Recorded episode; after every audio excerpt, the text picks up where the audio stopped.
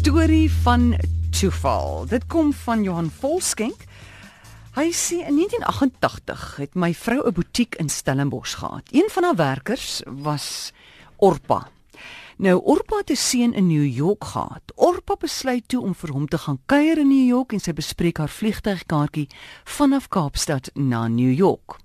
Sy vlieg met SAL van Kaap na Johannesburg en van daar weer met SAL tot Londen. Daar moes sy oorklim nou in Londen op 'n ander redery.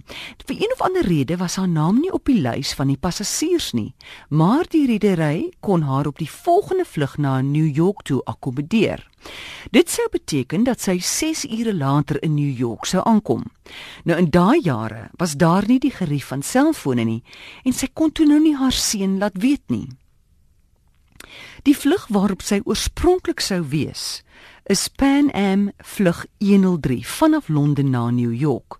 Die vliegtuig het na opstyging by Lockerbie geval met 258 passasiers aan boord. Daar was geen oorlewendes nie. Orpa se seun het by die JF Kennedy lughawe in New York verneem dat vlug 103 geval het. Mens kan jou net voorstel watter pandemonium by die lughawe geheers het.